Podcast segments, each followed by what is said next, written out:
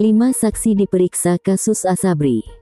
Jakarta, pantau sidang Senin tanggal 18 Oktober tahun 2021, tim Jaksa Penyidik pada Direktorat Penyidikan Jaksa Agung Muda Bidang Tindak Pidana Khusus Jampitsus Kejaksaan Agung memeriksa lima orang saksi terkait perkara dugaan tindak pidana korupsi tipikor dalam pengelolaan keuangan dan dana investasi oleh PT Asabri Persero pada beberapa perusahaan periode tahun 2012 sampai tahun 2019.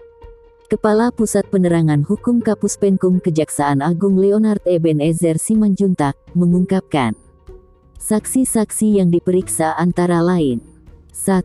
Ras selaku Komisaris PT Pul Advista Manajemen pihak yang mewakili tersangka korporasi PT PPAM diperiksa terkait pendalaman tersangka 10 manajer investasi.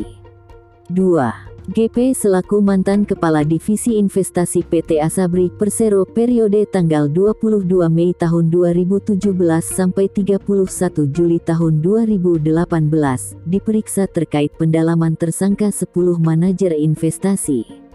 3. B selaku Direktur PT Corvina Capital Manager Investasi diperiksa terkait pendalaman tersangka 10 manajer investasi.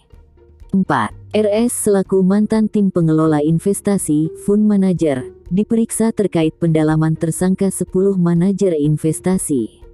5. Sa selaku mantan tim pengelola investasi, fund manager, diperiksa terkait pendalaman tersangka 10 manajer investasi.